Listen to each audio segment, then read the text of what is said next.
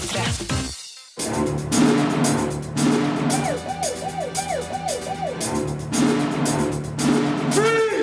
Filmpolitiet! What's your name, dude? Birger Vestmo. What kind of stupid name is that? Ja, Så hva skal skje i Filmpolitiet i dag? Vel, ikke overraskende så skal det anmeldes nye kinopremierer. The Butler er et kalkulert Oscar-frieri. Turbo er småkryp pluss biler minus Pixar. Og Snabba Cash Livet Deluxe er en vellykka avslutning på hard trilogi. På spillfronten ser vi på Disney Infinity og Fifa 14. Vi har sett Steven Merchants nye TV-serie Hello Ladies. Og regissør Tommy Wirkola forteller om innspillinga av Død snø 2, som ble avslutta i går. Dagens første film i ilden er The Butler, som anmeldes rett etter Gary Speed med Lars Vaular. Filmpolitiet P3. Are you political, Mr. Gaines? No, sir. Good. We have no tolerance for politics at the White House. The Butler prøver hardt å være et historisk drama med dype hjerterøtter. Men regissør Lee Daniels har laga en glansbildevakker film som er temmelig forutsigbar. Den er sågar så pompøs til tider at den motarbeider sin egen historie. De emosjonelle høydepunktene og bølgedalene preller av på meg. Filmen føles derfor litt tom, til tross for alt føleriet som foregår på lerretet.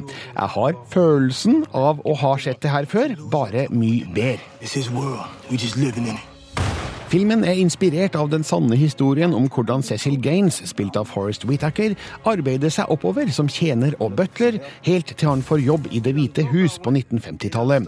Men det er turbulente tider i USA, der afroamerikanere kjemper for sine rettigheter i sør. Sønnen Louis, spilt av David Oyelowo, kaster seg inn i kampen, mens Cecil sjøl fortsetter å tjene presidentene som kommer og går gjennom tre tiår. You know Jeg får assosiasjoner til Forrest Gump, etter hvert som filmens figurer krysser flere historiske hendelser. Men serien av situasjoner mangler en klar overhengende historie. Det vanskelige far-sønn-forholdet blir ikke utforska nok, og Cecil Gaines yrkesutøvelse har tilsynelatende liten sammenheng med kampen for de svartes rettigheter i USA, sjøl om historien får selveste Malcolm X til å forklare hvordan en butler likevel skulle kunne være et våpen. Lignende tematikk skildres bedre i filmer som Mississippi Burning, Malcolm X og To Kill a Mockingbird. What do your daddy do? He's a butler. Young brother, the black domestic played an important role in our history. Flere av skuespillerne imponerer, som Oprah Winfrey som butlerens alkoholiserte kone, David Oyelowo som den samfunnsengasjerte sønnen, Robin Williams som president Eisenhower, og ikke minst Alan Rickman som Ronald Reagan.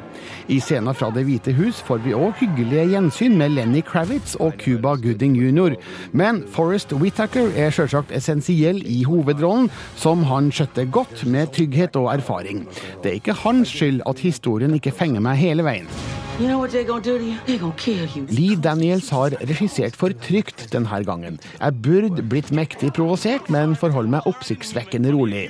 Filmen krysser av de fleste punktene på sjekklista over filmer om nyere amerikansk historie, men uten å pushe grensa eller fortelle historien med friske vinklinger. Dette er den pene, glatte, rosa versjonen av en stygg og spennende periode i USAs historie, og burde grepe meg så mye mer. Everything you are and everything you have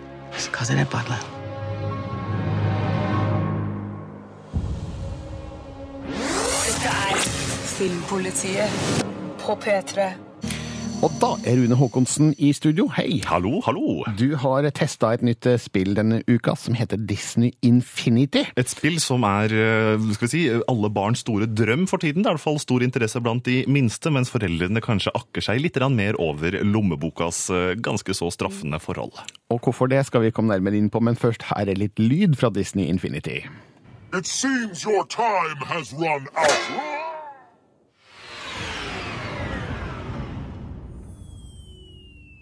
Hey, man, I'm still here. Ja, Hva innebærer det at spillet heter Disney Infinity? Det betyr enkelt og greit at Disney har samla flere av sine største helter inn i ett og samme spill. Og det er jo en, en liten genistrek, det å kunne møte både Sully fra Monster-universitetet og Monsters Inc., monsterbedriften altså, Ja. sammen med Jack Sparrow fra Pirates of the Caribbean og ikke minst De utrolige familien, som da er de tre uh, universene du møter i grunnpakken i Disney Infinity. Og det er litt viktig å si grunnpakken, for dette er litt rann som Skylander-spillene, hvor du nemlig kan kjøpe nye leketøysfigurer og plassere på en egen sånn plattform som du kobler til med USB til spillkonsollen din, hvor du da kan rett og slett eh, kjøpe små leketøysfigurer som låser opp nye deler av eh, spillet. Ja, og Det er derfor du kaller dette for lommeboktortur, fordi her kan man altså gå i butikken og kjøpe flere figurer og bruke i spillet. Ja, og det er nok en ting som eh, vi skal si, barna kommer til å mase litt på hvis man først begynner å investere i dette. Eh, Jeg nevnte jo tidligere da Skylander-spillet som en ganske viktig parallell her, og, og det er også en veldig god sammenligning, for her har du nettopp det at du kan plassere disse figurene på denne sensoren, og så dukker de opp inne i spillet. Og der har man nok skjønt at her er det mulig å tjene litt ekstra penger eh, på si. Men i startpakken der følger det med to figurer. Eh, Tre stykker, faktisk. Tre figurer, unnskyld. Ja, Monsterbedriften, eh, Jack Sparrow fra Pirates of the Caribbean og da De utrolige gjengen. Ja, Men er det da nok til å ha full glede av spillet som et enkeltstående spill? Ja, men, men, men selvfølgelig så er jo insentivene for å kjøpe litt mer alltid til stede, men disse tre gir en for så vidt grei innføring til hva Disney Infinity har å by på. Hver figur har også tilhørende så skal vi si, eh, spillunivers, en spilltype, brett, hvor du kan løpe rundt, og da eksempel som den Mr. Incredible, og banke opp eh, skurker og alt mulig, og samle inn Nettopp her er det viktig. Samle inn objekter. Ja. Er du Jack Sparrow, så kan du gå rundt og løse oppgaver og gjøre mye av det samme. Og det samme gjør Sully fra monsterbedriften. Så det er litt lite variasjon mellom disse tre spilltypene som du får med i skal vi si da startpakka. Men det aller viktigste med spillet er at disse forskjellige universene med Disney-figurer er knytta sammen med en sånn slags Minecraft-lignende hovedverden, hvor du kan bruke disse objektene og tingene du samler på, og bygge opp din egen fantasiverden. Og det er nok det som mange vil synes er det aller morsomste. Ja, Så øh, denne startpakka som du har uh, testa, den koster jo øh, det samme som et vanlig spill? Ja, omkring 550 kroner, i hvert fall det siste jeg så ute. Ja. Er, det, er det nok i seg sjøl, eller eh, blir foreldre robba her? Altså Hvis eh, ungene ikke syns at eh, Og det her er spesielt for ungene, jeg må si det. Hvis ungene ikke syns at Minecraft er noe artig, så vil jeg nok sette etter et annet spill. Men hvis man fant mye glede av å bygge på egen hånd der, så er det mye å hente. Og startpakka fikk terningkast fire fra min side. Sånn at det er jo helt OK, men ikke en toppkarakter.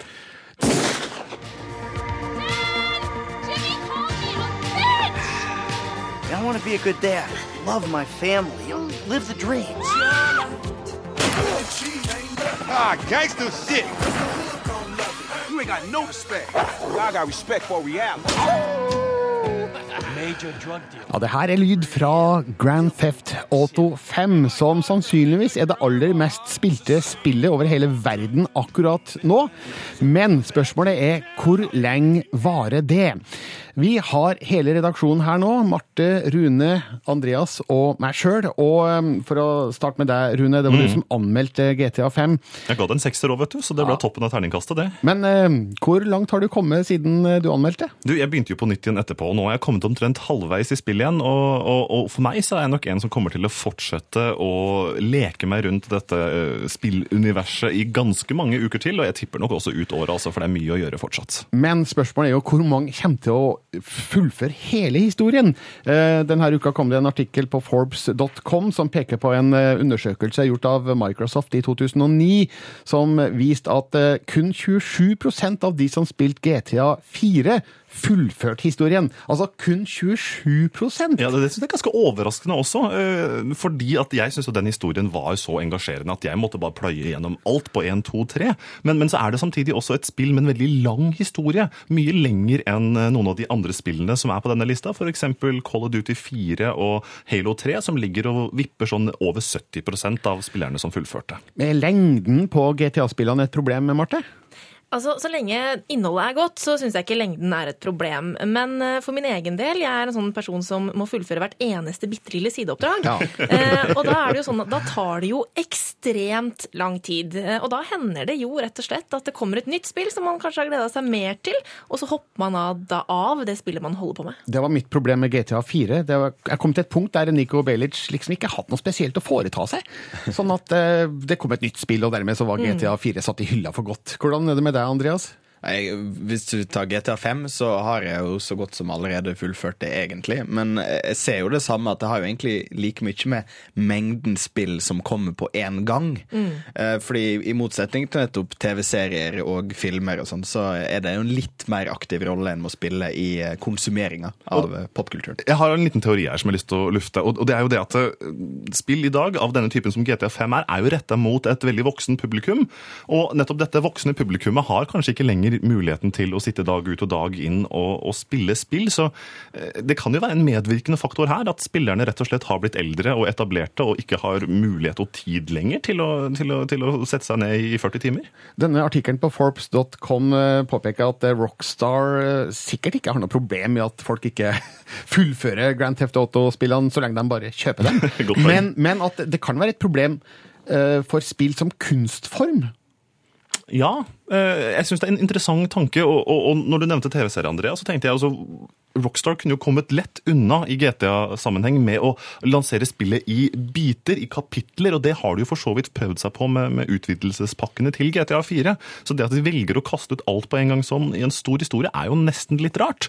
Men, men, men jeg tenker også de har nok et utgangspunkt i at det skal de først levere en opplevelse, så er det viktig å gjøre det gjennomført. Og det er også noe jeg respekterer Rockstar for.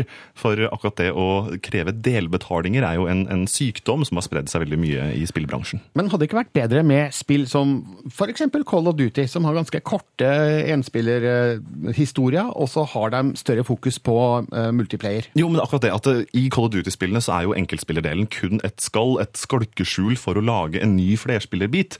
Og flerspillerbiten i disse spillene, også Battlefield-serien, tar jo om mulig enda mer tid hvis man først skal engasjere seg i det, enn det GTA totalt sett gjør. Så jeg tenker nok at her er det litt viktig å se på forskjellene i spillene, men jeg tenker nok at når de først har valgt en sånn stor og fabelaktig historie, så, så syns jeg det ikke er noe problem at GTA velger å gå helt ut med en lang historie. Ja, Men uh, hvor mange i dette rom kommer til å ramle av GTA 5 innen uh, en måneds tid? Skal vi, se, skal vi rekke opp hånda nå, eller? Ja, Eller si det, for rekke opp hånda det er dårlig radio. Altså, Jeg skal fullføre. Basta. mm, Rett og slett. Jeg har lyst til å fullføre, eh, men så lenge jeg klarer det før eh, horden av nye spill kommer nå i vinter, så tror jeg det skal gå bra. Jeg kommer til å fullføre det, og jeg kommer til å fullføre alt av nedlastbart innhold som eh, Rockstar eventuelt kaster på meg etterpå. Det, det, det, er lik, det er nært å være liksom en liten sykdom for min del. Ja, jeg har ikke engang begynt å spille, så det spørs om jeg ligger veldig dårlig an her nå. Filmpolitiet på P3. På mandag starter en ny serie på HBO Nordic og Seymour. Tittelen er Hello Ladies, og her er litt lyd fra den. Hello, ladies. My name is Stuart. With me, my best mate Wade. Right there. Hi, Wayne. Wade. Wade. Wade, Yeah. yeah, as in Roe versus Wade. Uh, it's a famous case about a woman's right to terminate her fetus. no need to bring up abortion uh, until we need to. Andreas Opsvik, du har sett de to første episodene av Hello Ladies, og det er Steven Merchant eh, som står bak. Hvem er det? Steven Merchant er jo da uh, Ricky Gervais' gode venn. Uh, han som egentlig har vært med å, å skape alt Ricky Gervais er kjent for. Alt Mm. fra, så, alt fra The Office til An Idiot Abroad og de ulike Ricky Gervais-seriene. Så han Ja. er, han er, han, det er han høye, eh, blonde med briller som du ser eh, snakke med Carl Pilkington sånn innimellom. Men nå vil han være stjerne på egen hånd i eh, Hello Ladies. eh, Og hva, hva er utgangspunktet her i serien? Utgangspunktet er rett og slett at eh, Steven Merchant spiller eh, Steven Pritchard, som er en høg, blond, bebrilla engelsk mann i Los Angeles, som er fryktelig, fryktelig, fryktelig dårlig til å sjekke opp damer. Har ingen som helst slags flaks med det motsatte kjønn.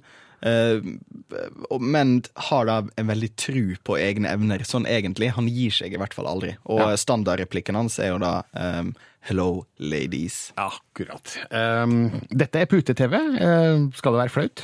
Det skal være flaut. Det er absolutt um, de beste delene av Hello Ladies absolutt i, i bane med på en måte de skikkelig flaue scenene i nettopp f.eks. The Office osv. Men hvor mange er det av de beste scenene? Det er litt av det som er poenget. da. Jeg føler at eh, resten av serien, eh, som går mye rundt da eh, vennene hans og, og, og, og Los Angeles, og litt sånn parodien på Los Angeles, blir veldig sliten. Det er veldig sånn klisjéfylt. og da med at eh, Los Angeles er den, den ultimate drømmen. Det er, litt, det er litt som han nerdete engelskmannen i Love Actually, eh, som tenker at hvis han bare kommer seg til USA og snakker med britisk aksent, så går det helt fint. Og det, det, er litt den drømmen han bærer på, da, han her eh, Steven Pritchard, at, at på et eller annet tidspunkt så har Los Angeles vært hans drømmeby. Du har sett altså to episoder. Kommer du til å se mer? Jeg kommer kanskje til å se mer for å se om det blir bedre, for å si det sånn. Eh, nå har jeg hatt da, to dater med eh, Steven Pritchard, og jeg er ikke helt sikker på om den tredje vil være, eh, vil være verdt det.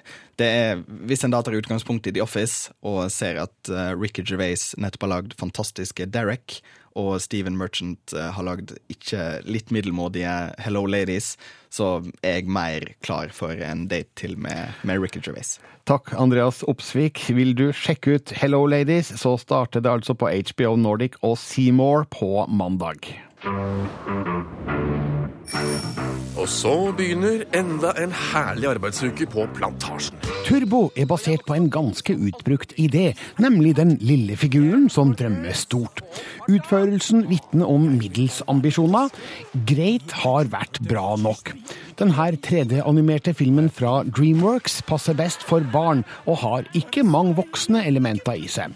Den underholder med passe mengder fart og humor, uten å være nyskapende i noen avdelinger. Det her er småkryp kryssa med biler, men det er åpenbart at det ikke er Pixar som har gjort det. Jeg skulle ønske jeg var rask. Hovedpersonen er en hagesnegle som kaller seg Turbo og drømmer om høye hastigheter. Han er riktignok ikke kjappere enn andre snegler, men et møte med nitrogass i en gatebilmotor endrer på det. Plutselig er han superkjapp, havner i et illegalt snegleløpmiljø, der hans nye eier ser for seg suksess i det klassiske billøpet Indy 500. Men kan Turbo hevde seg i konkurranse med topptrimma racerbiler? Er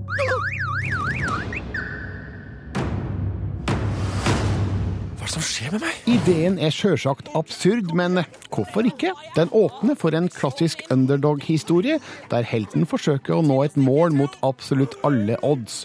Det her har vi sjølsagt sett tusen ganger før, og all forsøk på å gjette historiens konklusjon vil være vellykka. Men veien dit er rimelig underholdende, spesielt i det halsbrekkende løpet mot slutten. Her ligger kameraet ofte lavt for best mulig fartsfølelse.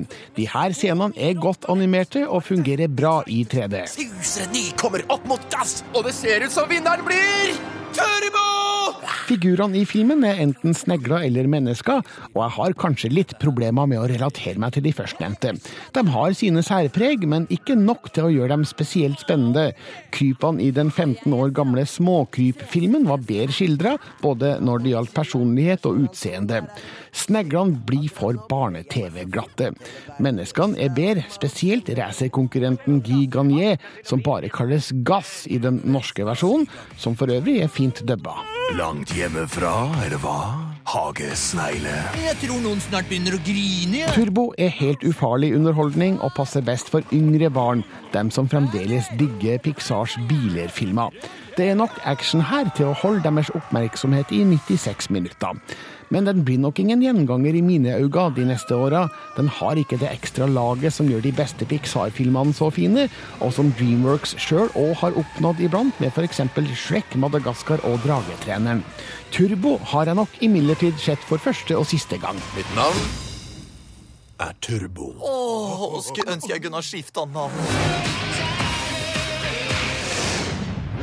Dette er Filmpolitiet på P3. Programmet er Filmpolitiet, som ikke bare handler om film, men også spill og TV-serier. Og nå er det en blanding på gang her, fordi Need for Speed skal bli film. Den kjente spillserien som har kommet frem til episode nummer 43 000 snart. Eh, Rune Håkonsen. Jeg står og flirer litt i hjørnet her, du. Andreas Opsvik.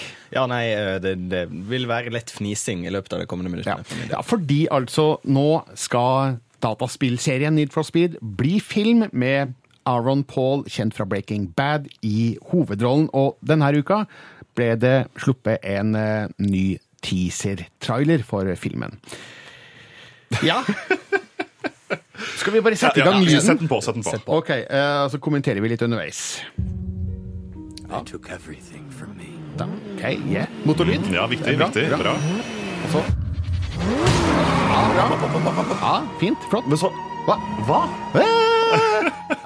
Det her er da noe så pompøst, altså. Hysj, hør nå. all those who defied me, Tumbas, shall be ashamed. Tumbas. What? And disgraced. Tumbas. Hva, hva, hva for noe pompøst visvas er dette? Og så Se for deg nå biler i slow motion som bare Og Aaron Paul som ser, han ser han, Jeg er ikke helt sikker på om han uh, Enten så ser han veldig sint ut, eller så har han bare Han ser ut som han har litt sånn hoven panne fordi han har måttet holde den langt nede. Det er operadama i bakgrunnen. Pass, pass, pass, pass. Ja, altså Det er jo masse billyd og bilkrasj og sånt her, da, men eh, den voiceoveren og den operastemmen og hele stemninga, det føles veldig sånn u-need for speedsk. Ja, og, og det er jo kanskje utfordringen de nå har hatt når uh, spillet skal bli til film. Hva er storyen? Hva er storyen? Ja. Altså, Skal du bare kjøre biler fort, og så er du ferdig? Nei da. Den gangen her så skal Aaron Paul også spille en fyr som har blitt uh, ved en feil uh, lurt inn i fengsel. Han flykter, og nå skal han ta hevn ved å kjøre over hele landet i veldig høy hastighet. Ja. Altså det, det er jo veldig pompøst, men Jeg ser for meg at en av grunnene kan være for at jeg tross alt har lyst til å eh, skille seg litt bort fra Fast and Furious-filmene, som kanskje minner mer om det vi vanligvis tenker på som Need for Speed. Litt sånn yeah, action, biler, mm, yeah. Men når jeg spiller Need for Speed, som jeg har gjort i ganske mange år, så um, syns jeg at serien er prega av liksom, fart og moro. Og det er ingenting i denne teaseren for filmen som uh, later til er inspirert av den stemninga. Nei, jeg tenker at Den tar seg litt for, selv litt for høytidelig, rett og slett. Jeg spurte på Facebook da vi skrev om det her, og det er mulig å gå inn på p3.no filmpoliti for å se traileren. Så spurte jeg på en skala fra 1 til 6, hvor cheesy er denne traileren? Alexander han skrev eh, tilbake ekstremt, eh, rett og slett. Kine har ja, Hva annet har man å vente seg når filmen heter Need for Speed, da? Greit nok. Mens eh, Mathias skriver ouch, en sterk sekser på osteskalaen, rett og slett. I kommentarfeltet på p3.no slash filmpolitiet så skriver Jostein at nei, han syns egentlig det var en ganske vanlig filmtrailer. Altså, det er jo, men det er greit, det. Altså, det er mange pompøse filmtrailere. Eh, og så er det en som eh, igjen da slår inn at det er noen som vil eh, konkurrere med Fast and Furious. Eh, og så minte han på at Gran Turismo-spillet, et, et bilspill med enda mindre historie, skal òg bli til en film. Ja, Det stemmer, det. Hjelpe meg. Og, og, og da foreslår han da følgende, um, følgende historie i Gran Turismo-filmen. Eh, det er da Jon som skriver at en ensom figur med en enkel liten bil vinner løp, begynner å tjene penger for å forbedre bilen, og etter hvert kjøpe bedre biler for å vinne flere løp, for å vinne flere biler, og flere og flere penger og forbedre bilene. Som da, Det er jo eh, hovedgangen i alle Gran Turismo-spill noensinne. Men det høres ut som en utrolig kjedelig film, da. Ja. Men Need for Speed eh, den kommer 28. mars neste år, og jeg skal selvfølgelig se den, og jeg gleder meg jo litt til den, men jeg håper at filmen er litt mindre pompøs og cheesy enn den første smakebiten her bærer preg av. Enig? Ja, veldig enig. P3. Det er en stor dag i dag for all fotballfans og dataspillfans, for Fifa 14 har nå release på PlayStation 2, 3, Nintendo Wii og Xbox 360. Hello and welcome to the Bundesliga. A huge contest today. Two of Germany's finest, two of Europe's finest. It's Bayern Munich versus Borussia Dortmund. Your commentary team is Martin Tyler and Alan Smith. Hi there. This is the chance. Here's the shot. Goalkeeper not needed because. Oh! What a good way to score. Sammen med meg i studio står Tete Lidbom. Hallo. Hallo, hallo, hallo. Får du frysninger på ryggen nå? Jeg kjenner jeg gleder meg til Nå er det jo fredag, så jeg skal hjem og spille etterpå. ikke? Du er musikkprodusent i P3, er altså en av de som velger ut eh, musikken vi spiller på kanalen.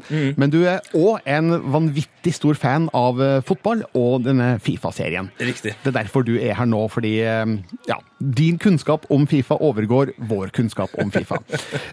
Du har testa Fifa 14. Eh, Du har alle de andre spillene i serien, og da er mitt eh, litt sånn kjedelige spørsmål kanskje, men er det nok nytt her til å rettferdiggjøre enda et Fifa-spill? Det er jo altså alltid det store spørsmålet, og, og svaret er rett og slett ja. Igjen, altså. Eh, og jeg blir liksom mer og mer redd for at det året her nå gidder ikke jeg å kjøpe et nytt Fifa, men, men det, det er umulig. altså. De er flinke på å putte inn små, fine forandringer som gjør spillet bedre. Og i år, Fifa 14, er nok det beste spillet vi får innen fotball på våre konsol, altså den generasjonen med konsoller nå. da. Men For det- nå har de virkelig pressa uh, konsollene, rett og slett. Men altså, Fifa 13 var jo allerede vanvittig bra og virkelighetstro og stemningsskapende. Hva har EA gjort nå, da? Altså Det de har klart å gjort nå, er å få en bedre flyt på banen. Altså er banespillet rett og slett artigere. Eh, Det var mange ting som var fint med Fifa 13, men i år så er det spesielt eh, bevegelsene til angrepsspillerne. Altså bare det at du ser eh, vingen på motsatt side som rekker opp handa og passer på å ikke gå i offside, sånn at du kan sende en pasning til en, det er altså en utrolig god følelse. Men det er altså i detaljene fornyelsen ligger her? Riktig. Det det er, I det store hele så ser spillet helt likende ut. Det er kanskje der det er liksom eh, det, det som er tristest, og det, det er nok fordi at de eh, kommer med utgaver på eh, Xbox One og PS4. Så de har liksom ikke brukt noe mye tid på grafikk og, og presentasjon. Den er ganske lik som før. Eh, så, men det er detaljene under panseret rett og slett eh, som gjør at spillet er artigere å spille. Men du nevnte, det skal jo også ut på de nye konsollene, altså mm. PlayStation 4 og Xbox One litt seinere senere nå i høst. Eh, burde vi kanskje vente med å kjøpe Fifa 14? Det er flere som har spurt meg det. Eh, Jeg, for min del jeg, jeg er ikke tålmodig nok til å, å vente, rett og slett. Eh, Men jeg skjønner eh, dem som gjør det. Eh, Hvis du skal investere i en PS4 eller Xbox One. Men nå er det jo sånn at det kan være, i hvert fall for dem som eh, er PlayStation-fans, at eh, man kan oppgradere PlayStation 3-spillet sitt for en hundrelapp til PlayStation 4. Det er ikke bekrefta, men det er stor sannsynlighet for det. For i PlayStation 4 og Xbox One-versjonen så vil grafikken være enda bedre, og spillerne vil være enda mer virkelighetstro. Ja, da skal jo EA bruke den Ignite-enginen sin, som, som de har brukt mye tid på, som da NBA og UFC og Fifa får god nytte av eh, i årene som kommer. Eh, Og så vil også present, presentasjonen da, rett og slett se, se bedre ut, og publikum vil ha liksom forskjellige bevegelser og sånne ting. Eh, Det er, er ikke tilstedeværende på nå, nåtidens eh, konsoller, rett og slett. Nei, du, la meg bare ta lista her over eh, konsoller dette spillet, altså Fifa 14, skal ut på. Android, iOS, Nintendo 3DS, PlayStation 2, PlayStation 3, PlayStation 4, PlayStation Portable, PlayStation Vita, Wii, Microsoft Windows, Xbox 360 og Xbox One. Herre Jesus, går det an å gjøre et spill ordentlig på alle de konsollene? Det, eh, de eh, det er nok noen spill, noen konsoller som, eh, som blir nedprioritert. Men, men det er litt sånn PlayStation 2, for eksempel. De som bruker det, de bruker det kanskje mer bare for at det er gøy, og da er spillet enkelt og greit der. Mens på PlayStation 3 og 4 så er det enda mer detaljer. Så ja, det er utrolig. Men det er et utrolig populært spill, og fotball er jo verdens mest populære sport. Terningkast på Fifa 14, Tete Lidbom? Det er en sterk femmer. Takk skal du ha. Her er min anmeldelse av eh, kinopremieren Snabba Cash, Livet Deluxe.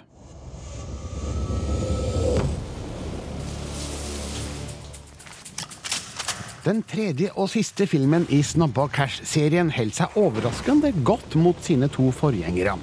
Trilogien fremstår som en gjennomført enhet, der både tematikk, skuespill og stemninga matcher fra film 1 til 3, sjøl med tre forskjellige regissører bak kamera. Jens Jonsson er mannen som har sørga for en vellykka avslutning. Hans engel skickades på fine internat utenlands når Nemanja blir mördad. Hovedpersonen fra de to første filmene, Gjeve, spilt av eh, Joel Kinnaman, har en mer perifer rolle denne gangen. Hovedfokus ligger på Jorge, spilt av Mathias Varela, som vil gjennomføre ett siste kupp før han rømmer fra Sverige sammen med Nadia, spilt av Madeleine Martin. Samtidig brygger det opp til bråk i den serbiske mafiaen når Radovan, spilt av Dejan Kukic, blir utsatt for et attentatforsøk. Kjenner på hans biceps. Er det bra? Känn på hans bryst også. Känn, känn. Også i denne filmen drives harde og kalde mennesker av makt og penger. Drømmen om det siste kuppet er kanskje en eldgammel filmfortelling, men det er like fullt spennende å følge planlegginga og utføringa av Horges siste brekk. Samtidig forstår jeg at noe mystisk lurer bak kulissene i Radovans mafiarekka. Jeg har en følelse av hva som skjer, uten at jeg dermed vil kalle historien forutsigbar. Jeg får en aha-følelse når sammenhengen kommer frem i lyset. Camilla Westlund. Have you seen her? She's my sister. Jeg aner ikke hvordan ting foregår i kriminelle miljøer, men deler av skildringa av utenlandsk mafia har nok dessverre en del realisme i seg. Noen av filmens voldsomme skuddvekslinger er kanskje overdrevne i skandinavisk sammenheng, men de har en mørk intensitet og er imponerende lydlagt. Jeg har avfyrt automatvåpen sjøl og veit hvor høyt det egentlig smeller. Skytinga er heller ikke stilisert, men har en realistisk nerve. Snabba Cash Livet Deluxe holder på denne rå nerven fra start til slutt, med harde figurer i kalde bybilder. Noen av dem har jeg fått et forhold til gjennom de tre filmene, slik at jeg håper det beste for dem, sjøl om de er kriminelle. Livet Deluxe er en tilfredsstillende krimfilm som avslutter en god trilogi.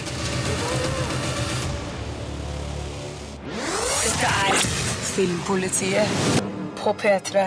En som har jobba veldig mye de siste ukene, er regissør Tommy Wirkola. I går ble innspillinga av Død snø 2 avslutta på Island. God dag, Tommy Wirkola. God dag, god dag. Hvordan er formen til en filmregissør dagen etter at eh, filmen er ferdig innspilt? Nei, altså Med tanke på at vi hadde rappfest i går, så er den jo, har den vært bedre. Men nei, det, det, det føles veldig bra. Vi, det har vært en fantastisk opplevelse å filme på Island, det må jeg bare, må jeg bare si. Det er veldig politisk korrekt å si, men det, det er veldig sant. Ja, altså, du har vært der nå i eh, et par måneder for å filme Død snø 2. Altså, hvordan vil du karakterisere innspillinga? Har det gått som forventa? Ja, mer eller mindre har det det. Altså, det er jo er man kan, aldri, man kan planlegge så godt man bare vil, men det vil liksom skje ting underveis som man ikke kan spå. da. Men uh, alt i alt så har det gått veldig fint. Det, det har vært veldig hardt, ingen tvil. Altså, bare med tanke på at vi hadde et manus og si, en ambisjon som, som vi, vi, Normalt sett så burde vi kanskje hatt en uke lengre innspillingstid, så vi har pressa veldig mye inn på, på kort tid. Men uh, det, har, det har gått veldig fint. Jeg tror, jeg tror uh, vi kan si oss fornøyd med det vi har fått. Absolutt. Før innspillinga så var du her i Filmpolitiet og lovt uh, betydelig større forbruk av eh, blod på, på filmsettet. Hvordan eh, har det blitt? Jo da, det, det, det, det løftet vi holdt. Det, altså, Dødsnø 1 var jo jeg er veldig stolt av filmen, men det er jo en veldig todelt film. altså Første halvdel er en veldig rolig kan si, oppbygging av en, av en, en tradisjonell grøsser, og så tar det av i siste halvdel. Men virkelig, her tar det, her tar det av i starten, og det, og det slipper ikke opp. Det bare eskalerer hele veien. Så um, vi, ja, absolutt. I Sist gang hadde vi 200 liter blod, her har vi sikkert tredobla denne gangen. Så for spettefans blir det nok å, nok å kose seg med her.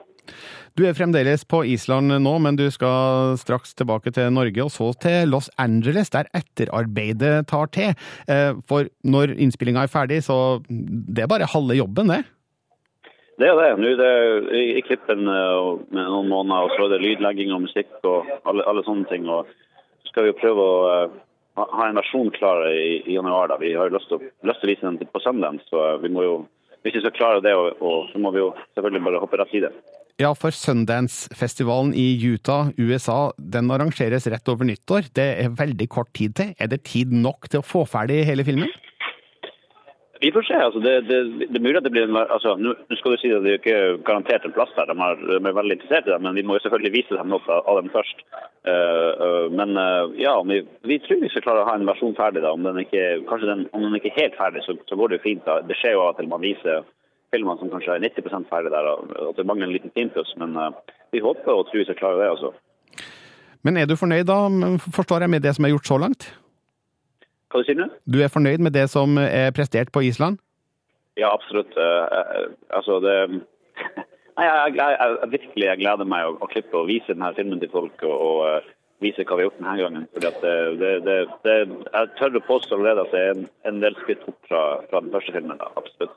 Når får norske kinogjengere se den neste Død snø-filmen på kino? Jeg tror premieren er satt til 14. eller 15. februar på Valentine's Day. den Perfekte datefilmen. Det det er det som er meningen, i hvert fall. Det blir det. Takk skal du ha, Tommy Wirkola. God tur eh, hjem, og lykke til med resten av jobben som må gjøres på Død snø 2. Ja, tusen takk for det.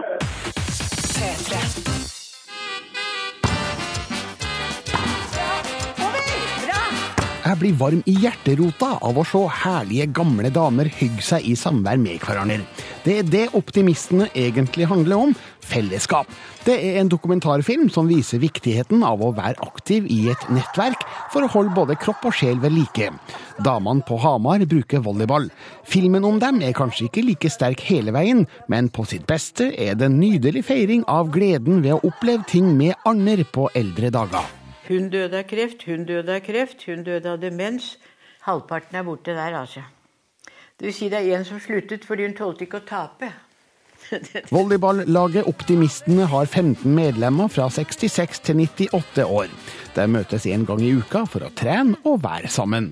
Nå ønsker de større utfordringer, og får stelt i stand en kamp mot et herrelag med svenske pensjonister i Sollentuna, som kaller seg Kruttgubbarna. Damene henter inn profesjonell hjelp og legger seg i hardtrening. Det er litt interessant.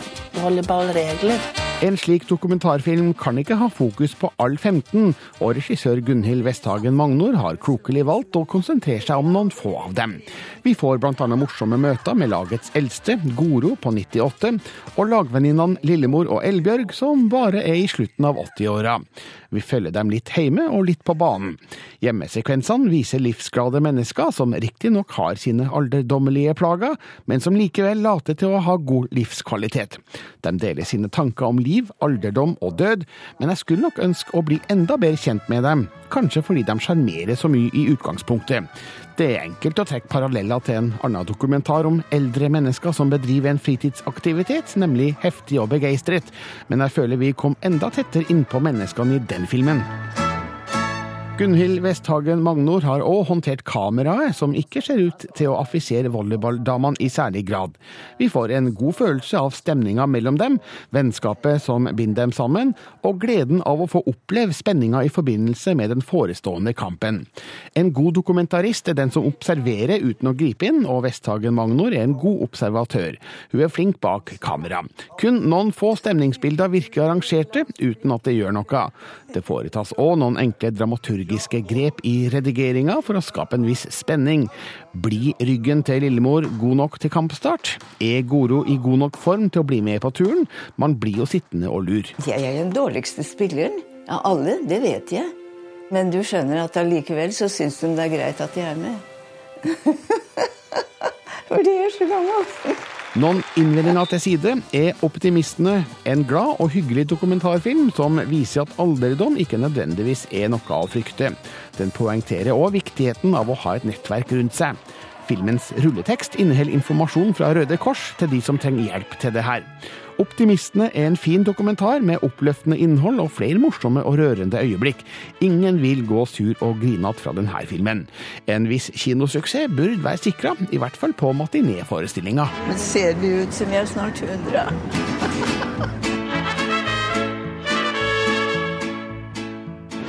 Dette er Filmpolitiet på P3.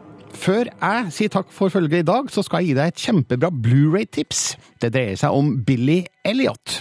Filmen fra 2000 ble nemlig sluppet på disk på onsdag, og det er en godbit du må se hvis du ikke har gjort det fra før av. Eller om du vil se den igjen, for det er den verdt. Her er min anmeldelse fra da den hadde kinopremiere jula 2000. What does it feel like when you're dancing? Sort of feels good. Like there's fire in my body. Like electricity. Yeah. Like. Dansing har vi sett mye av på film, men sjelden med så energisk innlevelse som i Billy Elliot. Det her er historien om en ung gutts drøm om å bli ballettdanser, og familiens problemer med å takle det. Ballet. What's wrong with ballet? It's perfectly normal. For girls, no, no, not for lads, Billy. Lads do football or boxing or wrestling, not friggin' ballet. Elleve år gamle Billy bor i en engelsk gruveby ramma av streik på starten av 80-tallet. Både faren og broren streiker mens Billy trener boksing, noe han egentlig ikke liker. Men i samme treningshall danser småjenta ballett, og Billy føler en merkelig tiltrekning av det han ser. Han vet ikke hvorfor, han vet bare at han vil og må danse. And up. Why don't you join in? Forward. And up. Seven and eight. What size are you? Miss, what about the keys? Into the centre. Go on, I dare you. Faren og brorens vansker med gruvestreiken danner et troverdig bakteppe for skildringa om Billys gryende bevissthet om hva han vil med livet sitt. De står ansikt til ansikt med opprørspoliti, mens Billy står imot sitt eget opprør. Hans trang til å uttrykke seg blant betong og batonger resulterer i noen uforglemmelige scener til new wave-musikk fra band som The Clash, The Jam og Style Council.